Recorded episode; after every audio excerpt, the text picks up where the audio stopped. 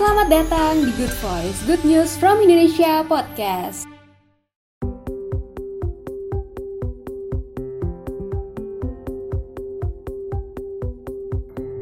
Hai kawan RFI, balik lagi di Good Voice. Good Voice kali ini bakal ngebahas mengenai develop business strategy stroke sosial media bersama teman diskusi kita Vanbul Prabowo.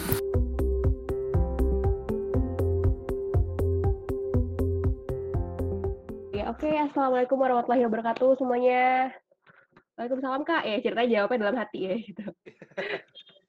kan dia bisa Waalaikumsalam warahmatullahi wabarakatuh. kan di mute soalnya. Um, semoga semuanya dalam keadaan sehat. Balik lagi di webinar GNFI. Kali ini kita bakal ngebahas mengenai sosial media.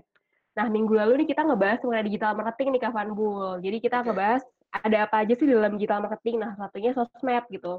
Uh, aku sengaja bikin silabus webinar ini berkaitan antara satu dan yang lainnya supaya ilmunya nih makin mantep nih Kak gitu. Oke, Nah, kali siap. ini kita bakal bahas sosmed uh, barengan sama aku Dela dan ditemenin sama Kak Irfan Prabowo, tapi disapanya akrabnya Spanbul ya gitu. Funbul. Spanbul. Nah, Kak, sebelum kita mulai, Hmm? uh, mau nanya dong Kak gitu. Kan Kak Vanbul udah lumayan ini ya, experience-nya udah oke lah di digital marketing ya Kak. Uh, kenapa sih Kak awalnya tertarik akhirnya sampai nyemplung di digital marketing atau di uh, dunia marketing ini kayak gitu? Em, dulu itu sebenarnya kayak nggak ada nggak ada itu ya nggak ada nggak ada nggak punya background pendidikan marketing juga Hmm. terus juga nggak ada nggak ada kepikiran juga di masuk marketing jadi dulu sebenarnya background aku di NGO eh, di komunitas sosial terutama Em, cuman aku kepikiran kalau misalnya dari dulu tuh aku ngerasa kalau misalnya aku punya kemampuan dagang atau ngejual itu eh, segala hal tuh jadi lebih mudah gitu kayak Wah. waktu aku di NGO tuh jadi lebih mudah lah untuk kayak cari donasi mudah untuk dapat volunteer eh, mudah untuk bisa eh, negosiasi dengan eh, partner atau pemerintah gitu. So waktu itu aku mulai eh, karir awal sebagai social media manager terus naik sebagai head of growth habis aku bikin agensi sendiri eh, Corner Advisory. Kita sempat handle Asian Games sama IMF Hmm. terus aku kuliah eh, di Inggris eh, pulang ya ini aku nge-handle eh, Lemonilo sekarang. Wih, mantap. gitu jadi Mantap. ya Nah, udah keren lah Kak Vanul, pokoknya udah terbukti kualitasnya gitu. Insya Allah udah kece gitu. waduh oke Wah, ini ada yang ada yang baru join nih. Selamat datang ke Angga Fauzan ya.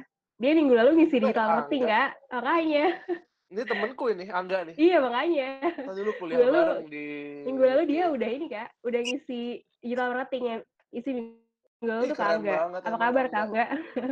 keren nih Angga tuh keren banget buat teman-teman yang butuh jasa agensi agensi Naon, Fagul. agensinya Angga keren. Itu ngikut lah, dia ngikut lah. Monggo, monggo, monggo. Siap.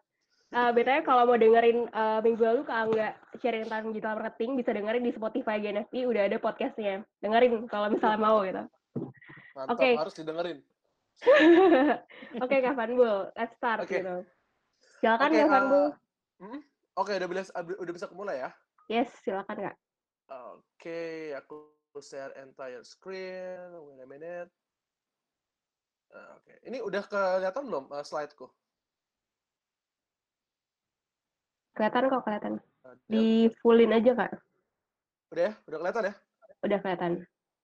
Oke, eh, selamat malam semuanya. Jadi, em, kenalkan aku Vanbul, aku senior marketing manager di Lemonilo. Aku ngelit eh, kurang lebih 13 orang di Lemonilo untuk segala yang berhubungan tentang eh, digital, entah itu marketing ataupun sales. Cuman eh, background aku tadi sudah udah cerita juga, background aku awalnya sebagai sosial media, eh, sosial media manager, sosial media eh, strategis, terus aku ngelit tim sosial media gitu.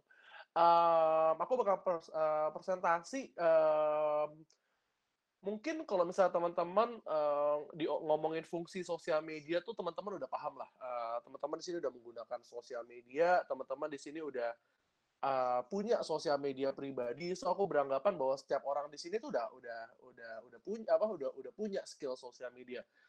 Eh, yang pengen aku ceritakan di sini bukan skill eh, sosial media, tapi lebih pada skill story eh, storytelling di sosial media gitu. Dan bagaimana ini bisa berimpact kepada bisnis, entah itu bisnis uh, UMKM ataukah bisnis yang emang brand besar gitu.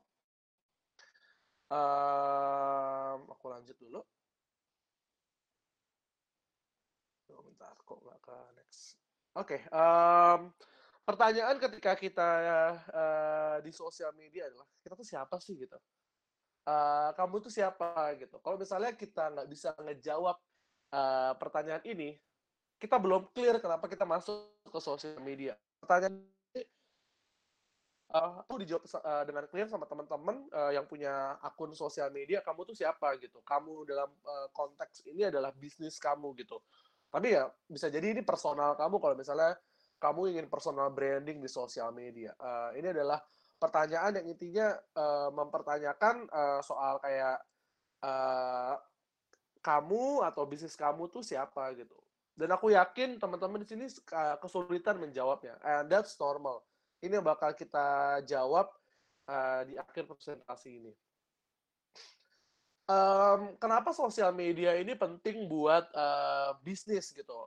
um, aku yakin banget di sini banyak teman-teman dari UMKM ataukah teman-teman yang mungkin masih kuliah dan baru lulus uh, terus baru ada yang mungkin baru kerja dan beranggapan bahwa ya kalau mulai bisnis uh, pakai sosial media aja sosial media kan marketingnya free gitu kita nggak harus bayar di baliho kita nggak harus bayar uh, iklan di TV gitu kita tinggal bikin akun sosial media and it's free gitu kayak kita beranggapan bahwa uh, dengan kita bikin sosial media kita udah melakukan marketing, but it's not. Kenapa? Um, dunia digital tuh sangat padat gitu. Dunia digital ini kalau misalnya kalian masuk uh, sosial media 10 tahun lalu, uh, mungkin kalian jadi salah satu brand UMKM yang memulai uh, digital marketing atau sosial media marketing di awal-awal dan itu persaingannya nggak berat. Cuman sekarang every brands, every uh, small companies, every big companies itu kayak punya sosial media dan percakapannya itu padat banget.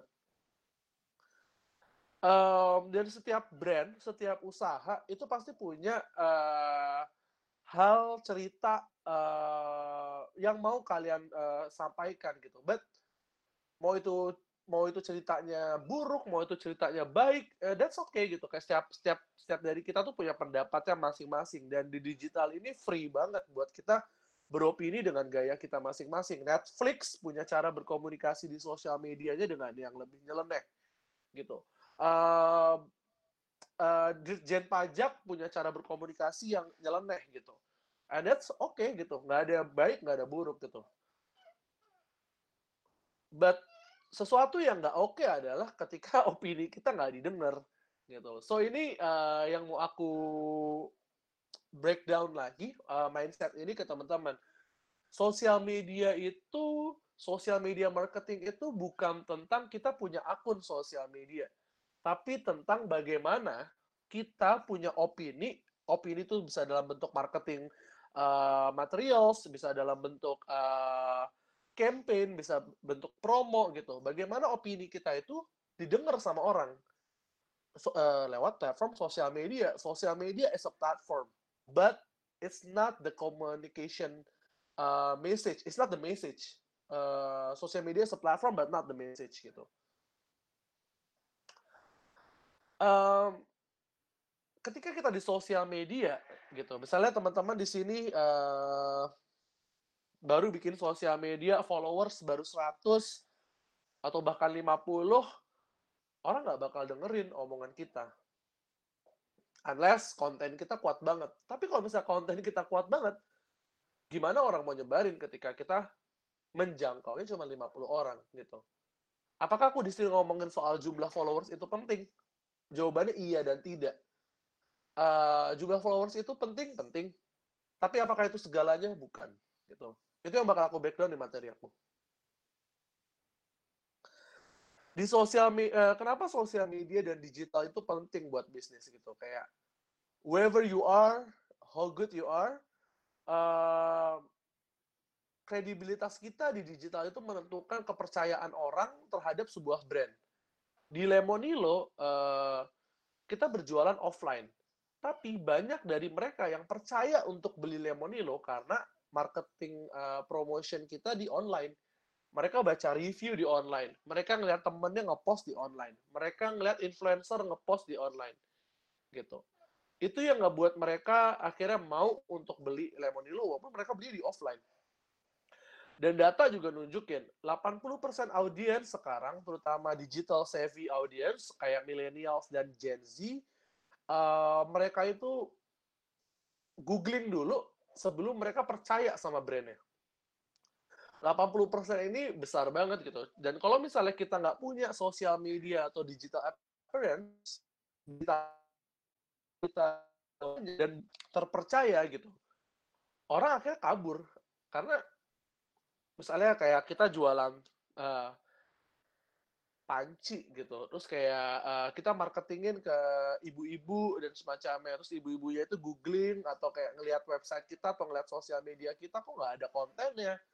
Nggak ada informasi terpercayanya nggak ada reviewnya. Mungkin uh, ibu-ibu itu akan memutuskan untuk aja dibeli gitu. Atau uh, kita jualan produk B2B. Kalau tadi panci B2C, kita ju uh, jualan produk B2B, kita jualan uh, jasa digital marketing deh gitu. Uh, pas lagi kita uh, oh uh, kita pengen nyari uh, jasa digital marketing di uh, Jakarta.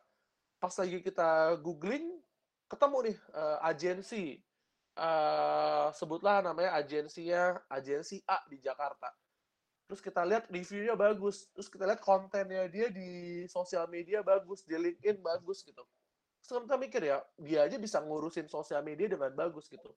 So itu yang yang orang uh, yang bikin orang percaya sama produk kita. Dan that's the reason why we need uh, digital or at least social media marketing. Um, ini mitos dan juga kesalahan yang sering terjadi buat teman-teman uh, yang melakukan social media marketing gitu. Social media marketing itu is not one for all marketing gitu.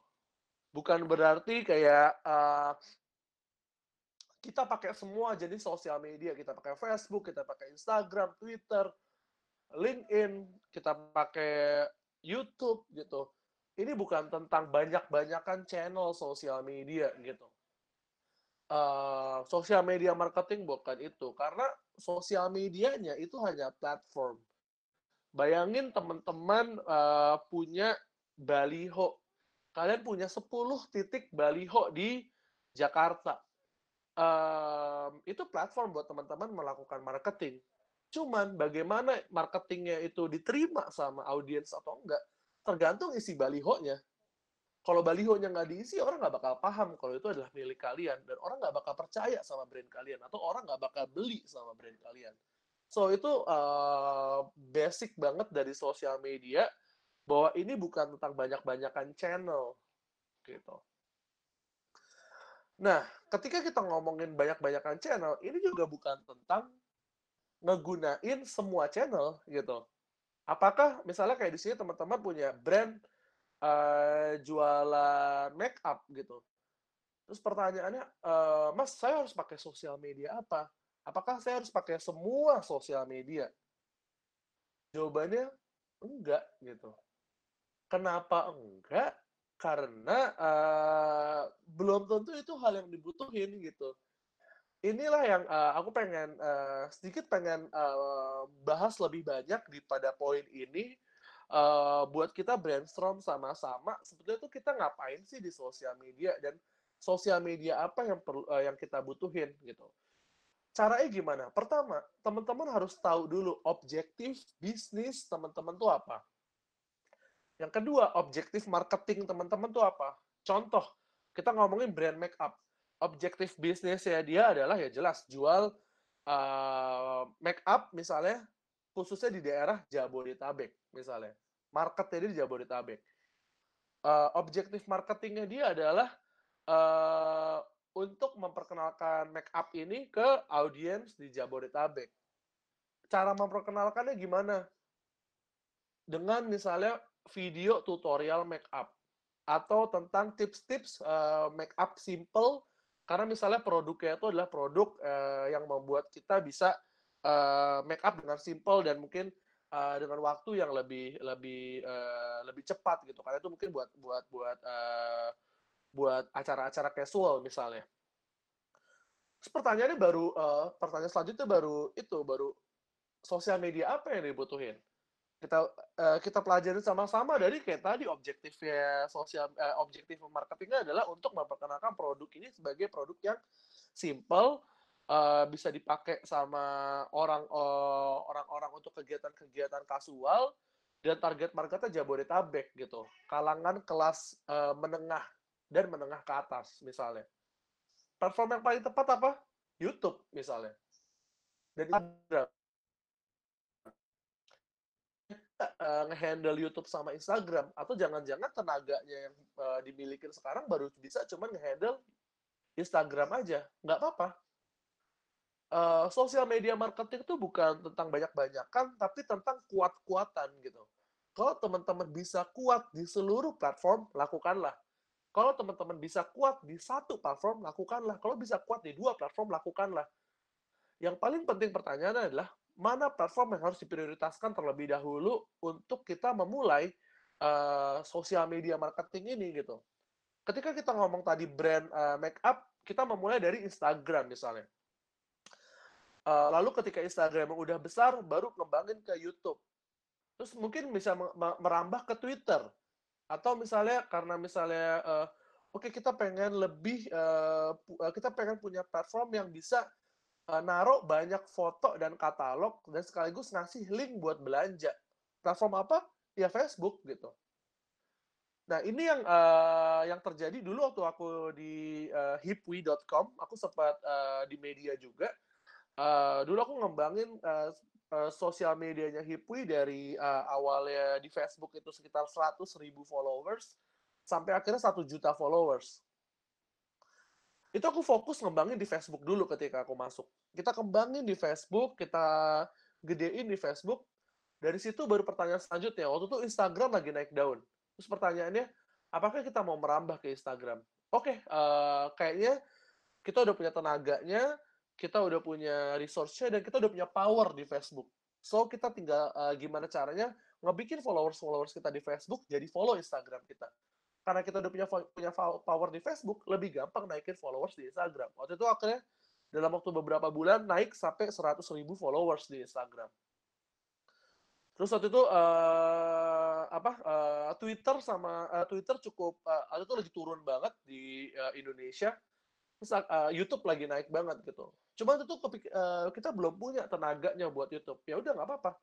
Uh, kita nggak jalanin dulu gitu. Karena uh, sosial media ketika kita udah launching dan kita ngomong kita punya sosial media YouTube, Facebook, Instagram, kita udah bikin uh, channel ya tapi ngepostnya sebulan sekali, kadang-kadang seminggu dua kali, kadang-kadang seminggu sekali, nggak rutin, itu justru yang bahaya karena first impression itu di sosial media itu segalanya.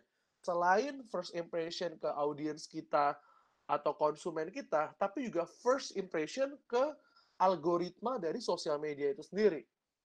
Apa maksudnya first impression dari algoritma sosial media itu sendiri? Contoh teman-teman dan ini terjadi sama beberapa brand yang waktu itu aku pegang di uh, agensi yang kutanganin mereka punya brand followersnya banyak uh, puluhan ribu, tapi tim marketing yang waktu itu lupa untuk update Facebook mereka secara rutin. Yang terjadi adalah ketika setiap kita ngupload uh, konten di Facebooknya dia, itu nggak ada engagement sama sekali. Kenapa? Facebook udah nge-flag akun itu sebagai akun yang nggak aktif. Walaupun dia punya puluhan ribu followers, konten itu nggak bakal disebarin ke uh, puluhan ribu followers tersebut So itulah kena, uh, poin di sini kenapa it's not about using all of social media channels. Instead of kalian gunain sosial media yang menurut kalian kalian paling powerful di situ. Ketika sudah kuat, baru kalian kembangkan sosial media sosial media yang lain. Dan punya tim yang bisa maintain itu secara sustain uh, dan rutin ya. Pertanyaan selanjutnya ketika kita ngomongin sosial media marketing teman-teman gak usah terlalu bingung sama kayak istilah-istilah ini aku bakal make it simple. Um, kalau oke okay, mas aku pengen mulai uh, marketing di sosial media. Aku paham aku harus uh, aku uh, perlu milih sosial media yang tepat. Tapi uh, aku nggak tahu caranya buat milih sosial media yang tepat itu gimana. Uh, pertama adalah dengan lakuin research uh, dan cari data plus behavior dari uh, orang-orang atau calon audiens teman-teman gitu. Contoh paling simpel data ini kayak gimana adalah banyak banget teman-teman tinggal googling uh, di uh, apa data soal kayak tren sosial media saat ini di Indonesia. Kalangan kelas menengah, kalangan kelas bawah, kalangan kelas atas itu pakai sosial medianya apa? Jabodetabek itu pakai sosial medianya apa? Indonesia so ini bisa jadi justifikasi teman-teman buat memulai uh, memilih sosial media apa yang tepat buat teman-teman. Apakah itu cukup? Nggak cukup. Karena data itu besar banget gitu. Dan itu belum tentu relevan untuk masuk ke audiens teman-teman. So kalian butuh behavior dari perso uh, dari uh, contoh uh, atau gambaran dari konsumen teman-teman. Maksudnya ini apa? Uh, kita ngomongin lagi brand make up tadi. Teman-teman punya brand make up, kalian punya konsumen, wawancaralah konsumen itu. Telepon lima konsumennya, gali kebiasaan mereka buka handphone kayak gimana, mereka biasanya nyari info soal make up di mana, mereka pakai sosial medianya apa, biasanya uh, mereka kalau misalnya ngeliatin uh, make up itu ngeliatin uh, konten seperti apa. Ini yang kalian catat untuk membuat user persona. User persona itu apa? User persona itu adalah sebuah sampel atau sebuah uh, sosok yang kalian tetapkan dalam uh, membuat uh, panduan kalian untuk membuat konten atau membuat uh, marketing programs gitu. Contoh misalnya uh, Lemonilo lah. Lemonilo user persona kita misalnya uh, perempuan muda umur 20 sampai 30 tahun.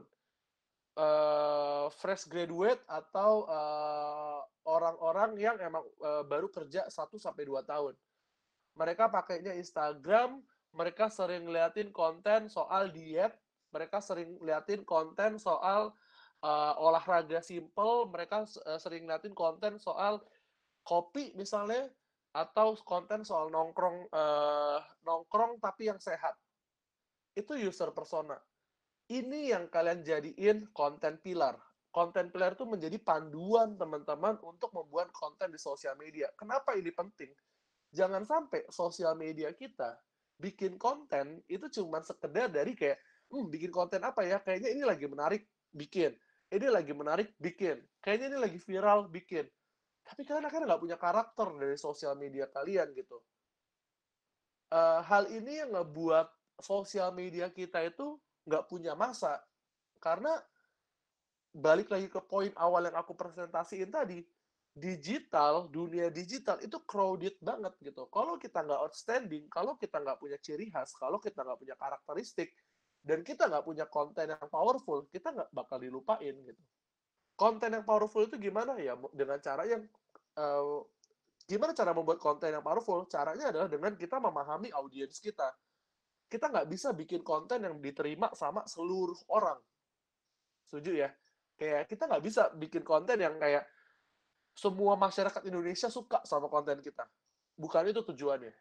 Kalian harus bikin konten yang bagus dan menarik at least bagi user atau konsumen kalian. Makanya itu kalian perlu bikin user persona. Untuk tahu user persona, kalian butuh research, tahu uh, pelajarin behavior dia, pelajarin datanya mereka kayak gimana. Lalu bikinlah konten pilar yang ngebuat kalian secara konsisten menyajiin konten-konten yang dibutuhin, yang dipengenin, dan yang menarik bagi user kalian. Itu poin penting banget. Menurut aku, dua slide aku ini adalah dua slide yang menurutku paling penting buat teman-teman uh, pelajarin. Just let me know. Teman-teman, uh, kalau misalnya ada pertanyaan, uh, karena aku nggak bisa buka aplikasinya dan nggak bisa buka kolom chatnya sambil buka presentasi, langsung uh, ngomong aja, uh, apa, potong aja omonganku, langsung nanya uh, via via via ngomong ya, via via apa, via earphone kalian gitu.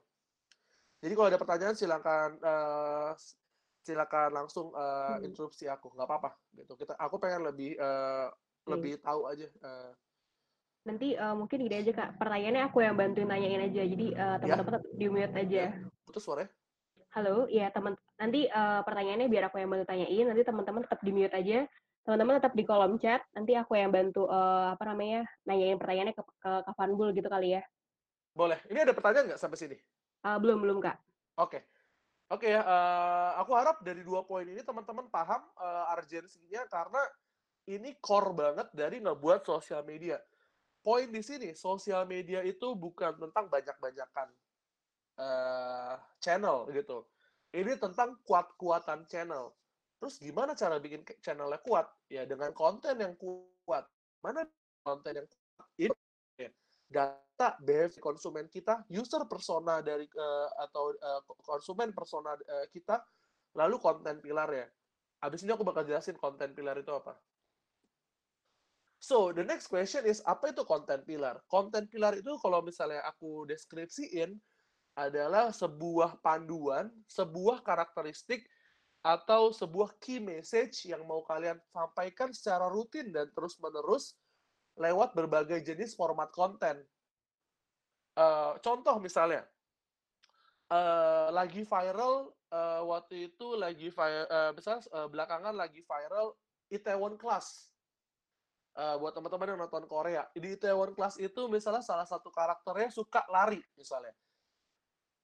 Buk, uh, bukan berarti kita ngebahasnya itu ngebahas kayak oke okay, uh, eh, Itaewon Class itu uh, sukses karena dia berbisnis dari awal sampai akhir. Nggak ada di konten pilar kita soal uh, di konten pilar kita soal bisnis. Adanya healthy food and beverage healthy lifestyle moms and parenting. Terus gimana caranya ngekaitin konten yang lagi viral sekarang dengan konten pilar kita? Yang ngomongin hobi larinya si karakternya uh, Itaewon Class atau ngomongin menu-menu kafenya yang dibikin sama karakternya Itaewon Class tapi versi-versi lebih sehat. Itu yang aku maksud bagaimana kita ngaitin tren dengan konten pilar. Dan kenapa konten ini pilar uh, konten pilar ini penting? Karena tanpa konten pilar kalian cuma ngomongin tren aja, tapi kalian nggak punya karakteristik, kalian nggak punya uh, ciri khas, kalian nggak punya hal yang secara konsisten kalian ulang-ulang sampaikan. Kayak gitu. So itu ya, ini contoh konten pilar yang aku buat healthy food and beverage, healthy lifestyle, moms and parenting gitu. Ini penting banget buat teman-teman. Bagaimana uh, teman-teman bisa menentukan poin-poin dari konten pilar? Ya proses ini yang terjadi data behavior, user persona, brainstorm user persona sampai akhirnya jadi konten pilar. Terus uh, pertanyaan selanjutnya, uh, apakah uh, konten pilar ini langsung diekstrak menjadi konten? Enggak Apakah healthy lifestyle langsung dipikirin? Apa ya konten buat healthy lifestyle? Misalnya kita ngomongin soal lari, atau kita ngomongin soal olahraga gitu. Enggak. Ada lima prinsip yang ngebuat konten itu viral. Ini aku ambil dari uh, sebuah buku.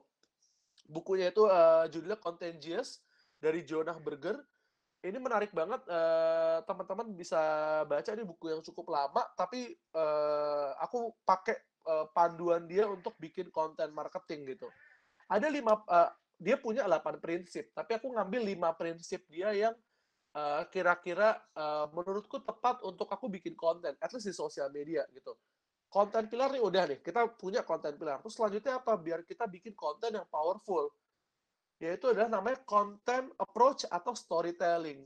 Nah, storytelling ini kalau misalnya aku, aku punya lima poin yang aku harus lakuin. Pertama, relatable, kedua practical, ketiga fun and entertaining, keempat thought provoking, dan yang kelima data driven. Apakah semua konten yang harus mengandung unsur lima poin storytelling ini? Belum tentu. Bisa jadi kalian ngambil dua poin doang, bisa jadi ngambil satu poin doang. Tapi intinya adalah jangan sampai kalian nggak memasukkan, kalau uh, kalau dari uh, pengalaman aku, jangan sampai uh, aku tidak memasukkan uh, lima prinsip dari storytelling ini gitu. Lalu dari lima prinsip storytelling ini lanjut ke tahap idea gitu. Idenya apa? Misalnya uh, healthy food and beverage. Aku pengen bikin konten yang relatable dan practical misalnya. Buat siapa? Relatable-nya buat siapa? Practical-nya buat siapa? Misalnya buat ibu-ibu anak baru satu. Uh, tinggal di Jakarta. Aku bikinin misalnya uh, tips uh, atau misalnya uh, lima resep masakan yang praktis dan bisa dibuat uh, 30 uh, apa dengan waktu 30 menit untuk keluarga di rumah. Kenapa? Karena misalnya dia sibuk, ibunya itu harus ke kantor setiap hari, tapi harus nyiapin makan buat anak gitu. So itulah konten yang relatable dan practical. Practical apa? Maksudnya dia bisa langsung praktekin gitu. So ini adalah uh, practical tips buat teman-teman bagaimana kalian uh, step by step dari kalian memilih sosial media, lalu memilih uh, user persona sampai akhirnya menciptakan konten pilar dan akhirnya menciptakan ide buat bikin konten gitu. Kenapa tahap ini penting? Tanpa ini teman-teman bakal berlalu begitu aja, kalian lupa sama apa yang mau kalian lakuin dan pastinya lakuin hal-hal yang berulang tapi sebenarnya kayak nggak kena dan nggak bermanfaat atau nggak powerful ke audiens kalian gitu. Gitu. So sampai sini ada pertanyaan, monggo kalau misalnya ada pertanyaan nanti bisa aku jawab dulu. Nggak ada ya, ya? Belum ada nih, Kak semuanya kayak fokus menyimak nih kak. Oke, sip. Jadi by uh, ini uh, by the way, kak, ini kita uh, apa namanya? Tadi kan kita rencananya live di Google Meet aja nih kak. Terus uh, dibantu sama teman-teman IT GNFI. Kita sambil live di YouTube. Halo teman-teman kawan GNFI di YouTube juga. Oh halo ya teman-teman di YouTube. Ntar ya. uh, aku juga aku juga ini kak uh, minta teman-teman di YouTube kalau ada mau pertanyaan nanti aku bacain juga ke Fanbul supaya nanti bisa kejawab. Oke. Okay. Oke. Okay. Yep, monggo dilanjut kak.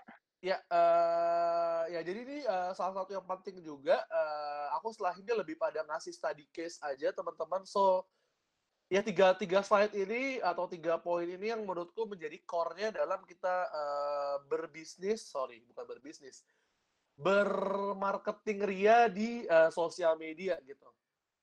So um, it's not about using all of the channels. Uh, it's not about kayak ngikutin tren doang, tapi ini tentang bagaimana kalian bisa uh, menyajikan apa yang dibutuhin dan disukain dan penting bagi uh, audiens dan konsumen teman-teman yang udah kalian pilih gitu. Jadi ini bukan tentang kayak kalian marketingin kayak siapa target audiens kalian, target market kalian, oh seluruh orang Indonesia. Itu nggak pasti konten kalian nggak bakal powerful. Terlalu luas. Jadi kalian harus bikin personanya dulu lebih kecil sebelum kalian bikin konten pilar dan kalian approach dengan uh, lima prinsip storytelling yang uh, aku ambil dari uh, bukunya Jonah Berger ini. Kalian bisa pakai delapan prinsipnya dia. Cuman kalau menurut uh, kalau aku uh, relevannya lima prinsip baru masuk ke konten ideas. Ini ada beberapa contoh uh, konten yang aku pakai prinsip dari uh, storytelling gitu. Fun and entertaining gitu. Ini uh, kenapa penting buat kita ngikutin tren gitu? Karena algoritma dari sosial media buat teman-teman yang nggak uh, nggak paham algoritma itu apa ya intinya cara mesin di sosial media bekerja itu tricky banget teman-teman jadi contoh misalnya uh, Hipwi itu punya satu juta followers di Facebook. Ketika dia upload konten belum tentu satu juta followers itu kena.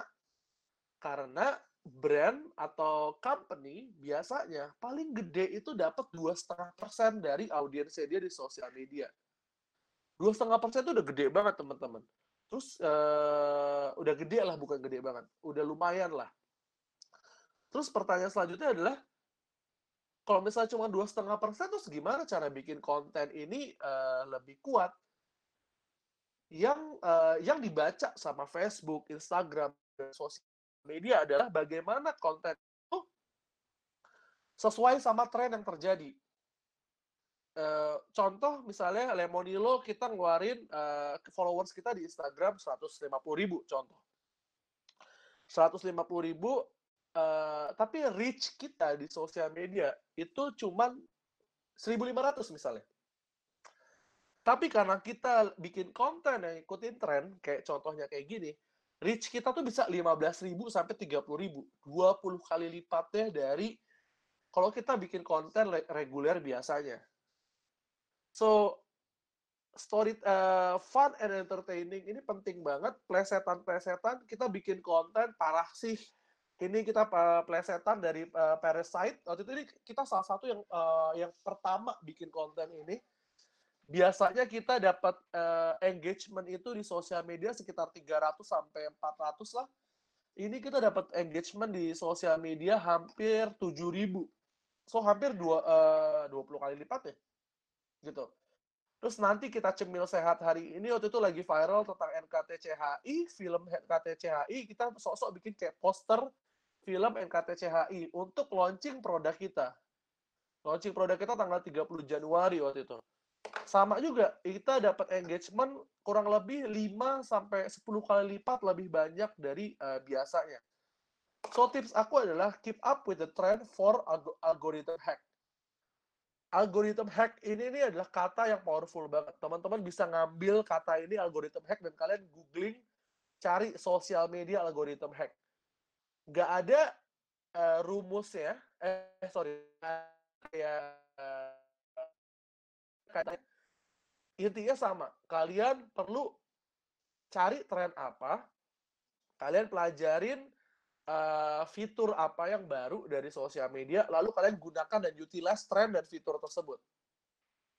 Uh, itu pasti ngebuat konten kita lebih diprioritasin dari konten-konten lain. Gitu. Dan algoritma hack ini penting karena tadi aku bilang uh, dunia digital tuh rebutan banget. Yang ngupload konten di feednya atau lini masanya konsumen kalian bukan kalian doang, ada ribuan, ratusan atau ratusan brand dan individu gitu gimana caranya kalian outstanding dan diprioritasin ya dengan cara kalian ngebuat konten kalian relevan dengan tren saat itu. Selanjutnya okay, adalah be relevan. Ya. Ada pertanyaan nih kak. Nah. Uh, pertanyaannya mau dijawab nanti apa gimana nih kak? Kak sambil. Oke, ini uh, menarik nih kak. Ini di, di YouTube sama di Google Hangout Meet, di Hangout Meet uh, pertanyaannya mirip. Pertama dari Kristi Medan, Kak, boleh tolong dijelasin gimana cara kita milih atau membangun user persona? Ini dari Medan. Huh? Terus uh, di YouTube ada Mawada Ahmad hmm. dari Pati. Gimana sih caranya membuat atau mencari user persona? Pertanyaannya sama nih, Kak. Oke. Okay. User persona ya. Aku balik sedikit lagi karena menurutku ini penting. Hmm. Ini ini uh, aku bakal ulang-ulang karena banyak banget brand yang nggak melakukan ini. Brand yang udah segede hmm. apa pun mereka nggak lakuin ini.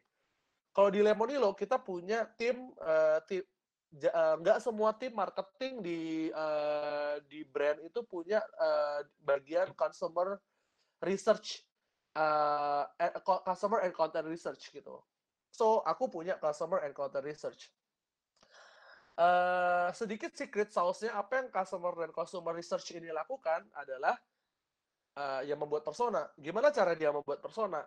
Dia bertemu dengan konsumen kita jadi uh, contoh misalnya teman-teman uh, udah punya brand, brandnya udah laku, misalnya kayak udah punya produk, jualan di Tokopedia atau jualan di Shopee atau jualan di offline, terus udah laku gitu, udah banyak yang beli. Ya udah, kalian deketin tuh uh, konsumen-konsumen itu. Kalian tanya konsumen-konsumen itu, kayak kenapa sih kalian kamu beli? Uh, uh, tanya, uh, sorry, bukan tanya kenapa kamu beli, tapi tanya soal keseharian dia Nah, user persona ini kayak kalian lagi bikin avatar atau karakter. Kayak kalian lagi bikin tokoh atau karakter. Caranya gimana bikin tokoh? Uh, tokohnya tokoh fiksi ya. Kayak gimana cara bikin uh, tokoh fiksi ini uh, relevan sama brand kalian? Ya, kalian masukin informasi-informasi yang kalian gali dari konsumen kalian. Contoh misalnya, oh iya saya uh, uh, apa uh, penghasilan saya tiga setengah juta sebulan saya pakai sosial media Instagram sama Twitter. Saya pakai Instagram biasanya pas lagi jam-jam break kerja dan semacamnya. Oh, saya suka banget sama info kesehatan dan semacamnya. Itulah yang kalian gali dari user persona. Metodenya gimana? Bisa via telepon, bisa ketemu, bisa kuesioner, bisa FGD, gitu. Bisa kalau misalnya kalian udah punya website uh, atau aplikasi sendiri, itu bakal lebih advance lagi kalian bisa ngelakuin data uh, apa uh, data analisis lewat uh, lewat karakteristik uh, user kalian yang masuk ke website atau aplikasi cuman kalau kalian belum ada itu ya lakukanlah manual seperti kalian lagi bikin skripsi aja lah kayak lagi bikin skripsi atau kayak lagi wawancara orang karena pengen tahu karakteristik orang itu kayak gimana lalu user persona dibuat dari karakteristik orang yang berbeda uh, uh, dari beberapa wawancara itu kalian rumuskan dalam satu sosok atau dua sosok atau tiga sosok tergantung ada berapa persona yang berbeda. Terus pertanyaan selanjutnya, persona itu harus berapa harus berapa persona? Nggak ada jawabannya pasti harus berapa persona. Tergantung ada berapa karakteristik konsumen kita yang berbeda. Bisa jadi dua, bisa jadi tiga, bisa jadi cuma satu. Karena misalnya uh, semua karakteristik konsumen kita tuh sama semua. Ya udah satu aja cukup. Atau dua. Karena misalnya satu ibu-ibu, satu anak muda misalnya. Atau satu misalnya bapak-bapak, satu misalnya ibu-ibu gitu. Jadi uh, dua uh, user persona ini yang akhirnya nanti kayak jadi panduan itu. Kira-kira kayak gitu ya uh, user persona. Monggo kalau misalnya masih ada follow up question ditanya dulu, tapi aku mau lanjutin sedikit ini.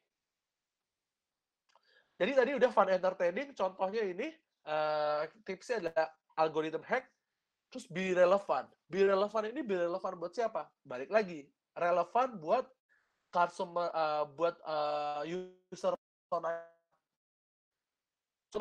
Personanya ibu-ibu, kita suka banget ngasih konten buat ibu-ibu uh, kita ngasih kontennya tentang apa? Ya itu tentang kayak tips menghadapi uh, anak yang picky uh, eater gitu. Habis itu kita bikin kayak e-book soal bagi-bagi resep uh, simple buat ibu-ibu gitu. Dari mana kita tahu konten uh, konten yang kita buat harus kayak gini? Ya kita nanya sama mereka, kita ngobrol sama mereka. Salah satu uh, brand yang uh, menurutku uh, kuat ada salah satu brand yang dia bikin konten itu engagement selalu Kenapa? Setiap minggu tim sosial medianya itu telepon-teleponan sama konsumennya dia, sama audiensnya dia. Ngobrol aja biasa kayak ngobrol sama teman. Tapi dari ngobrol itu, itu contoh simple ya. Dari ngobrol itu, kita jadi tahu kayak isi kepala audiens kita tuh kayak gimana, isi kepala, kepala user persona kita tuh kayak gimana. Dari isi eh, dari hal dari insight tersebut yang ngebuat kita uh, bisa bikin konten yang relevan buat mereka Gitu. Terus yang uh, yang ketiga adalah practical. Maksudnya apa sih practical? Kon salah satu konten yang mudah diterima dan bisa uh, kena sama orang di sosial media adalah konten yang orang lain bisa tiruin atau konten yang ngebuat orang tersebut ngerasa hidupnya lebih mudah ya udah gue bikin konten masak-masak deh uh, biar uh, biar uh, ibu-ibu itu bisa bisa masak gitu. Apakah itu cukup? Enggak, belum tentu gitu. Praktikal di sini uh, Lemonilo bikin uh, konten namanya Lemonilo Kitchen mie Aceh. Kenapa kita bikin Lemonilo Kitchen mie Aceh? Karena kita punya uh, karena kita melihat persona kita, mereka suka uh, kreasi masakan tapi mereka nggak suka yang ribet. Mereka suka yang uh, cepet dan gampang uh, buatnya. So kita bikin uh, resep yang agak ribet, bukan agak ribet, resep yang kesannya ribet kayak misalnya di Aceh atau uh, konsep yang kayak kalau di dunia biasa itu ribet, tapi kita transfer dalam versi nggak ribet ya, biar audiens kita lebih praktikal dan lebih mau untuk ngelakuinnya. Terus kita dapat insight juga, kayak uh, banyak audiens kita yang kayak bingung me time atau kayak waktu uh, menghabiskan waktu sama anak kayak gimana di rumah. Oh ya udah kita bikin konten main sama si kecil. Jadi itu tentang konten-konten kreasi untuk uh, ibu ngajarin anaknya atau menghabiskan waktu sama anak-anak. Contoh bikin mobil-mobilan kardus dari kardus bekas Lemonilo dan semacamnya. That's practical content. Terus ini powerful banget. Kalau bisa di setiap konten maupun kalian tempelin practical maupun kalian tempelin be relevant maupun tempelin fun entertaining, kalian buatlah konten itu data driven. Data driven yang tadi aku udah cerita, nelpon teman, nelpon konsumennya, bikin kuesioner, bikin survei rutin, uh, ngebaca tren atau data, itu adalah uh, yang aku maksud tadi data driven. Ngebikin konten kita in depth Teman-teman tahu ya, ini kontennya siapa? Ini adalah konten NKTCHI. Tahu nggak kenapa NKTCHI filmnya dan kontennya itu powerful banget? Karena Angga Dwi Sasongko waktu dia bikin film, dia itu melakukan riset uh, dan uh, ceritanya itu adalah uh, eh, data driven based story. Maksudnya gimana? Dia ngumpulin curhatan-curhatan audiensnya si uh, NKTCHI terus dia bikin sebuah sheet atau Google Excel yang akhirnya dia olah datanya dan dia nemu kayak uh, beberapa kesamaan dari cerita satu sama lain. Dari situ akhirnya dia olah jadi sebuah cerita untuk film. Dan juga akun NKTCHI melakukan hal yang sama. Dia dapat curhatan, dia dapat uh, dia ngebacain komen-komennya sama dia disortir komen-komennya. Akhirnya dia menemukan tren apa sih atau kekhawatiran apa atau keluh kesah apa yang dirasain sama audiensnya mereka. Ini yang akhirnya mereka transfer jadi sebuah konten. Konten mereka kena, konten mereka powerful, banyak yang nge-share, banyak yang uh, nge-likes, banyak yang komen. Kenapa? Karena kita ngerasa kita dekat dengan konten ya, iya nggak?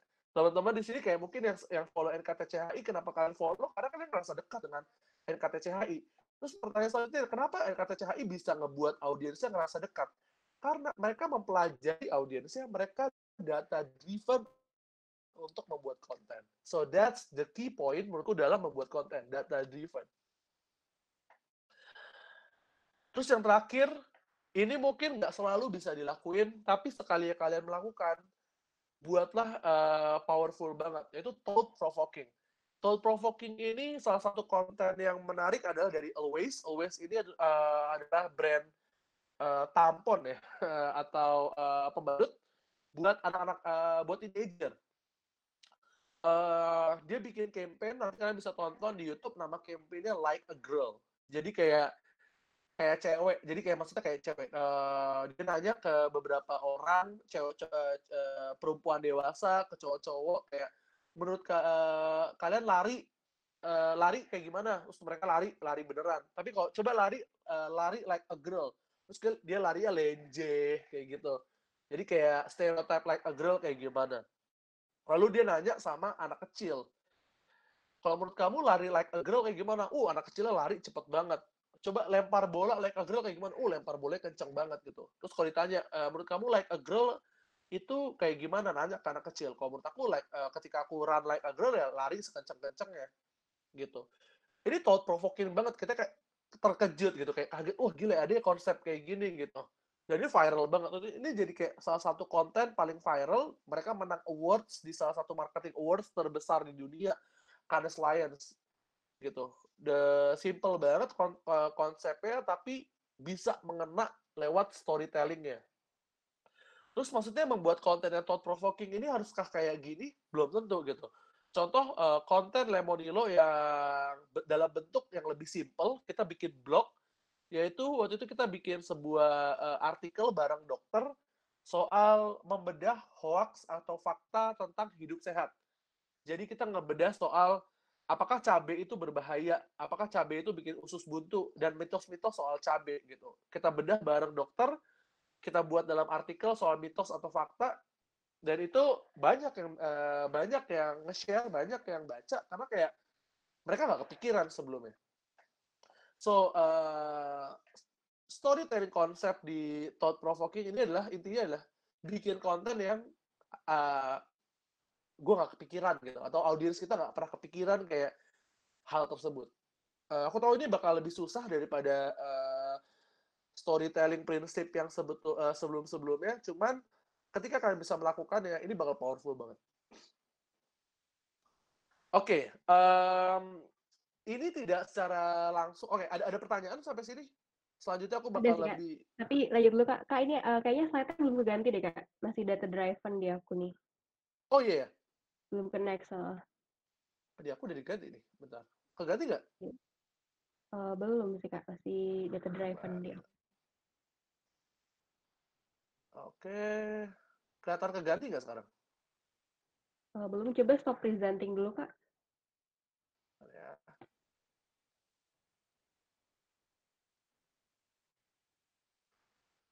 Oke, iya.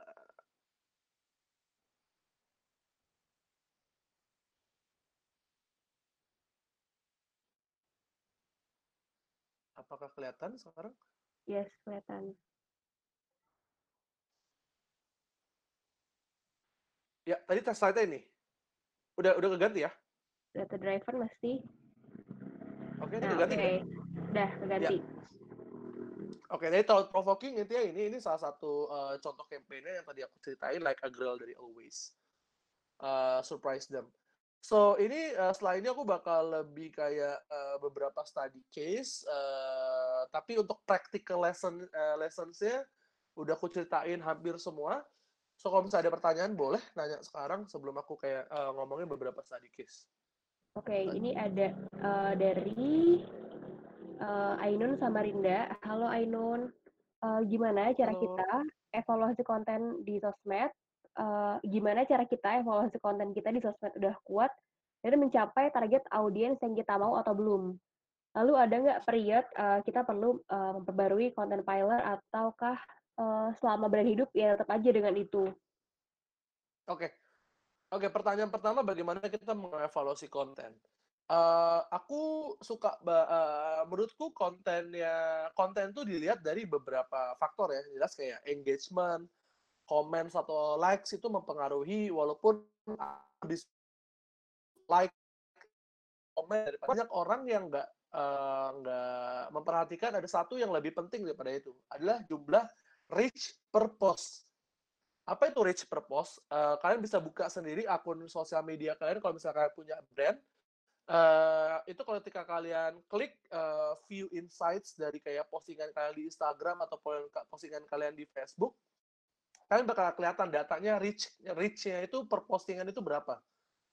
Misalnya reach per postnya seribu, terus uh, bulan apa kayak besoknya kalian reach per postnya 500 nah itu kalian harus evaluasi. Kayak kenapa nih kok uh, reach gue kayak uh, uh, beda sama kemarin? Apakah karena kontennya kurang tepat? Ataukah uploadnya di jam yang nggak tepat? Ataukah misalnya kontennya kurang bagus? Itu yang diperhatiin gitu. Banyak teman-teman di sini yang kayak ngeliatnya followers. Misalnya kayak followersnya 200 ribu terus kayak wah likesnya harus gede atau semacam enggak juga gitu uh, kalian harus lihatnya justru dari uh, dari reach gitu. Uh, reach ini yang mempengaruhi jumlah engagement. Semakin besar reach ya, ya semakin besar juga potensi kalian mendapatkan engagement. Walaupun nggak selalu berbanding lurus gitu. Bisa jadi reach-nya 5.000, engagement-nya 500. Tapi bisa jadi reach-nya 7.000, engagement-nya tetap 500. Karena misalnya kayak kontennya nggak sebagus itu, walaupun dapat reach-nya lebih banyak. So itu sehingga evaluasi konten di sosial media itu beda-beda. Tapi kalau misalnya secara general yang aku lihat, YouTube ini beda lagi ya teman-teman ya. Uh, kalau misalnya YouTube beda. Tapi kalau di Instagram sama Facebook, lihatlah reach per post, lalu lihatlah engagementnya. Kalau misalnya kalian kayak, uh, likes-nya dapat banyak banget, dapat 500, tapi kok nggak ada yang komen ya? Bisa jadi di caption ya, nggak ada call to action, nggak ada ajakan orang untuk ngebuat mereka merasa penting untuk komen gitu call to action tuh penting banget teman-teman. Contoh call to action tuh kayak gimana? Misalnya, uh, dulu aku bikin konten soal uh, jenis uh, masakan sehat misalnya.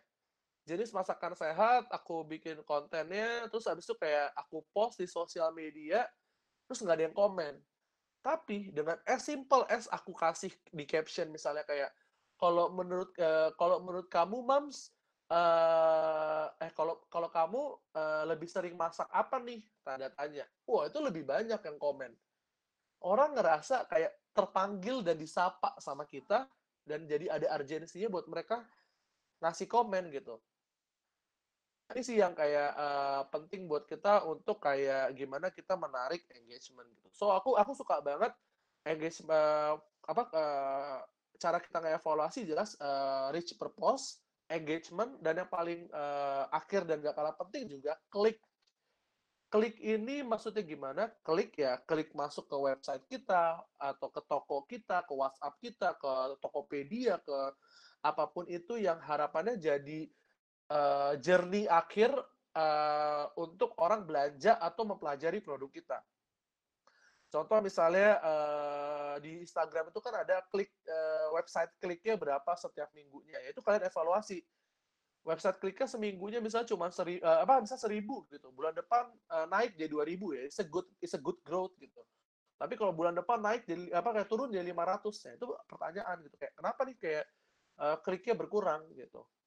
So itu sih uh, as simple as that sih kalau misalnya uh, sosial media klik, reach per post, engagement buat jadi evaluasi okay. kita. Gitu. Oke, uh, ini ada nyambung lagi nih Kak.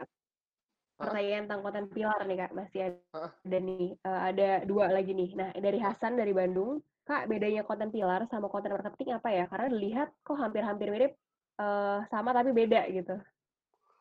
Oke. Okay. Uh, mungkin aku jawab dulu tadi yang sebelumnya apa ya? Konten pilar apakah harus dipakai selama-lamanya? Gitu ya. Oh iya. Uh, ini aku uh, bakal jawab dulu, tapi uh, kayak menarik untuk jawab yang soal konten pilar sama konten marketing. Konten pilar itu ibarat kata kayak pondasi rumah. Konten marketing itu kayak komplek. Gitu. Jadi bedanya konten pilar sama konten marketing apa? Konten marketing itu formatnya bisa macam-macam.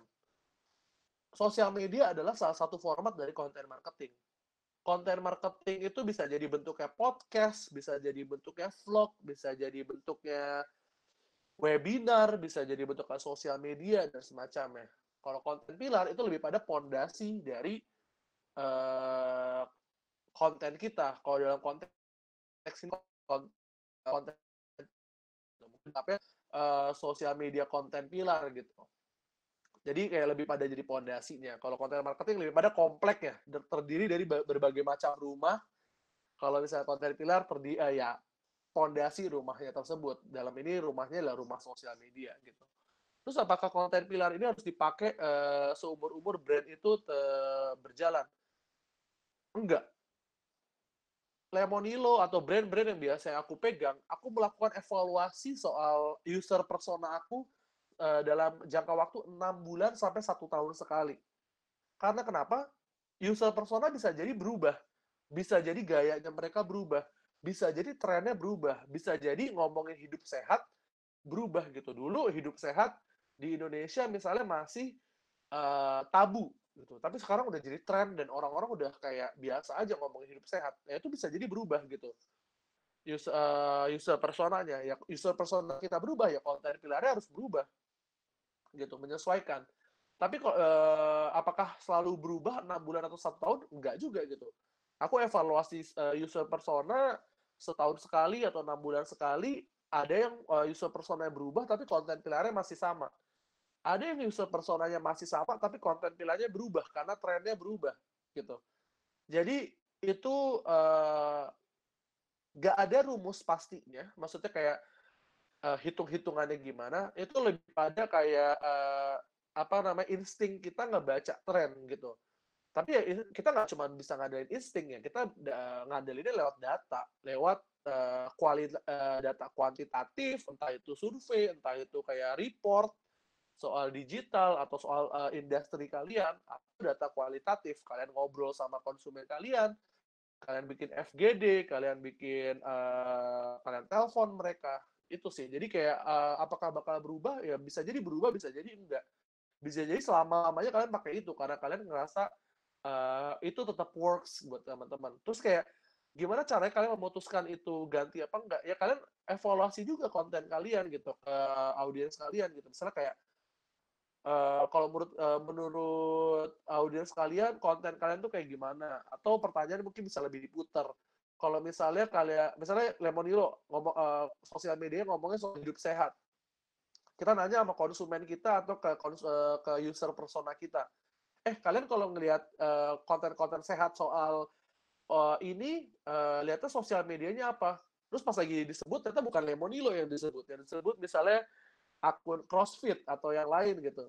Nah itu bisa jadi evaluasi kalian. Jangan-jangan konten kalian atau konten pilar kalian belum powerful gitu kayak gitu sih jadi kayak uh, that's the reason kayak data itu penting entah itu kuantitatif atau kualitatif untuk kita bikin uh, konten untuk bikin uh, approach di sosial media hmm. kayak gitu sih ada nggak pertanyaan hmm. ada ada nih masih konten pilar juga nih kak Oke. Okay. Uh, dari Arkana Bali, mau nanya apakah uh, brand e-commerce besar kayak Alibaba, Amazon, Tokopedia, Bukalapak, dan Gojek gitu ya, menggunakan pilar konten. Mungkin bisa kasih pendapat nih kak, pasti sih kayaknya pasti sih kayak kalau misalkan lihat Tokopedia uh, konten pilar mereka uh, apa sih?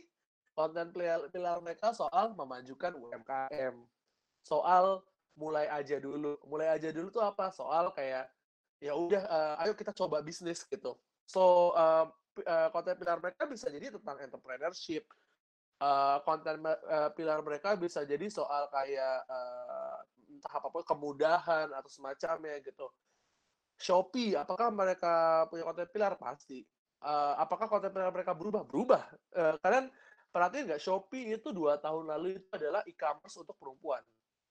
Lalu konten pilar mereka berubah semenjak mereka nge-hire Cristiano Ronaldo sebagai brand ambassador. Kenapa? Mereka mau nyari market cowok. Karena kenapa? Ya mungkin market perempuan mereka udah stagnan karena jumlahnya udah terlalu besar gitu.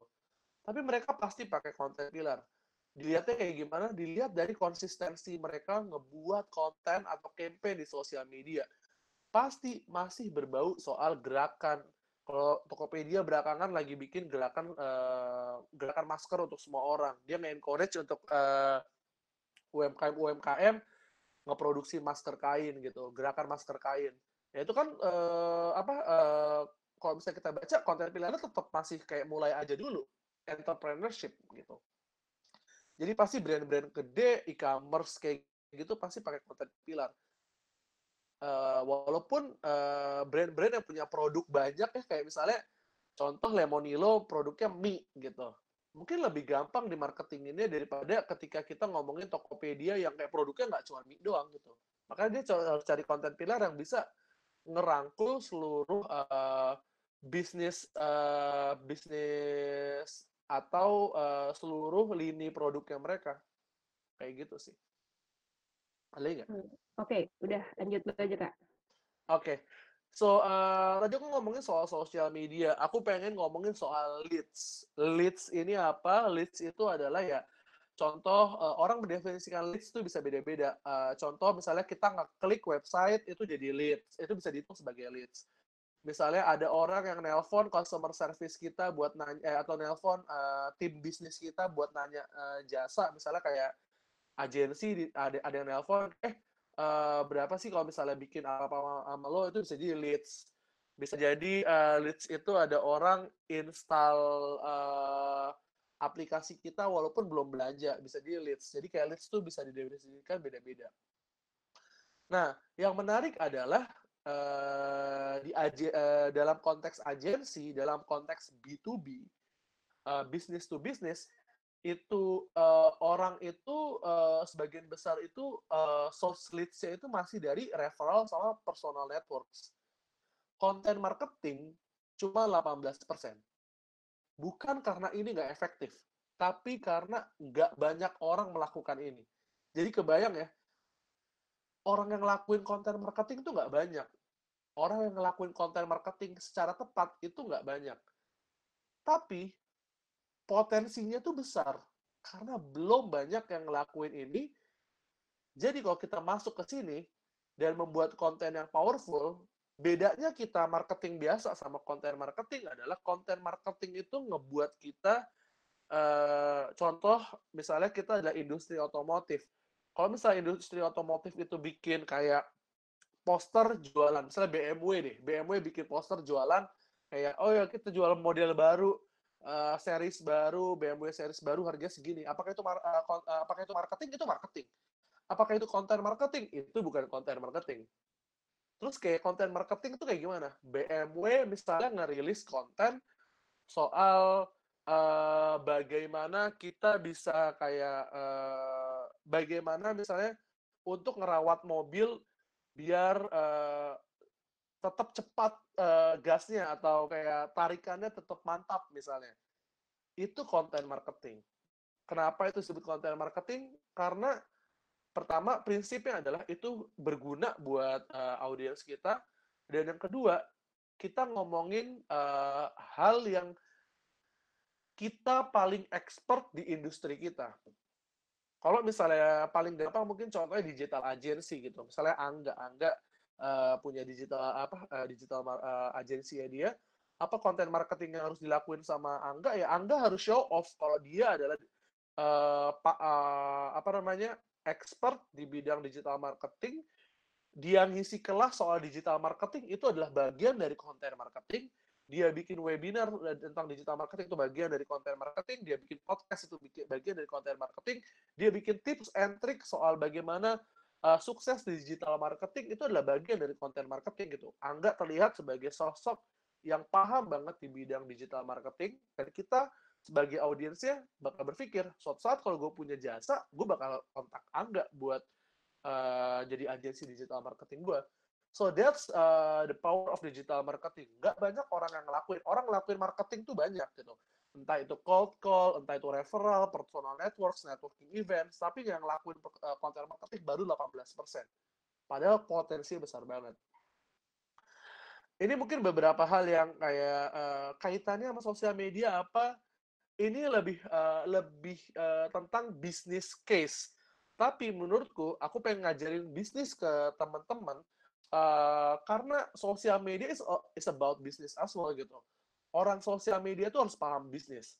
Yang pertama adalah ketika kita di sosial media dan di dunia bisnis, orang tuh cenderung judge in the uh, on the uh, on the first impressions gitu kayak Terus kayak kalau di dunia bisnis misalnya kayak kayak saya misalnya harus ketemu klien, kliennya itu orang kementerian. Terus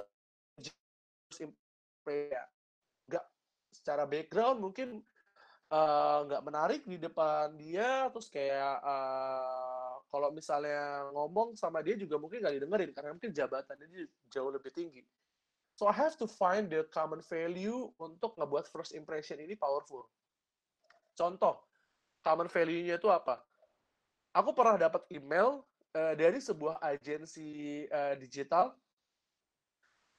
Aku biasanya nge-delete-deletein ya uh, email dari agensi digital gitu karena aku udah punya uh, agensi yang aku uh, hire.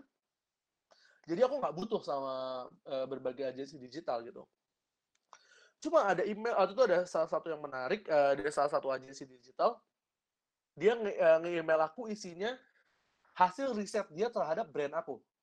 Jadi dia ngomong kayak, eh, halo Lemonilo, eh, halo Irfan, eh, gue bisa ngeriset Lemonilo, Lemonilo tuh di sosial media kayak gini, kayak gini, kayak gini, kayak gini. Menurut gue ini harus ngelakuin kayak gini. Ada hal-hal yang perlu dioptimalisasikan kayak gini, kayak gini, kayak gini, kayak gini. Kalau lo mau ngobrol sama gue, uh, yuk kita call 30 menit, gue punya slot waktu di jam-jam ini gitu. Menurut gue itu penting, uh, itu dia berhasil nemuin common value-nya dia di first impression-nya dia gitu kalau dia nggak ngelakuin itu nggak bakal uh, aku baca emailnya dan juga nggak bakal mungkin aku teleponan sama mereka. Dan akhirnya terjadi adalah aku sama agensi itu sekarang uh, keep contact gitu.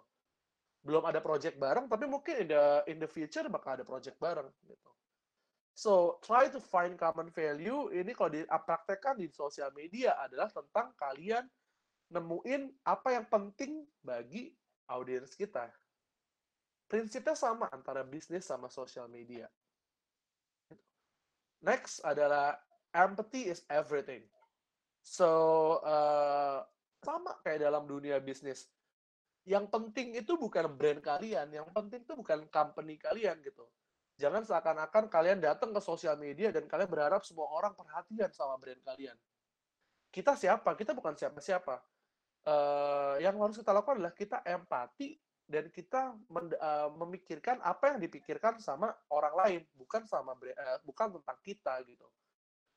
So ini uh, dalam dunia bisnis kalau misalnya dulu waktu aku di agensi ketika aku datang ketemu klien oh klien banyak banget yang sok tahu gitu. Aku dengerin aku berusaha berempati uh, ini klien sok tahu kenapa? Karena mungkin dia di depan bos-bosnya pengen terlihat pintar atau dia sok tahu kenapa? Karena mungkin dia udah melalui berbagai macam pengalaman bertahun-tahun tapi pengalamannya aja salah gitu. So aku dengerin dulu sampai akhirnya aku bisa tahu bagian mana yang aku bisa kasih solusi buat dia. Bagian mana yang aku bisa jadi teman dia. Bagian mana yang aku bisa jadi partnernya dia. Prinsip ini sama sama sosial media. Kita dengerin mereka kita tahu kekhawatiran mereka kita tahu kelemahan mereka kita tahu uh, apa yang kurang dari mereka, lalu bagian mana yang mau kita bantu dari mereka. Itu tentang empati. Maintain your power. Apakah di sosial media kita harus terus-menerus kayak melayani konsumen kita? Harus.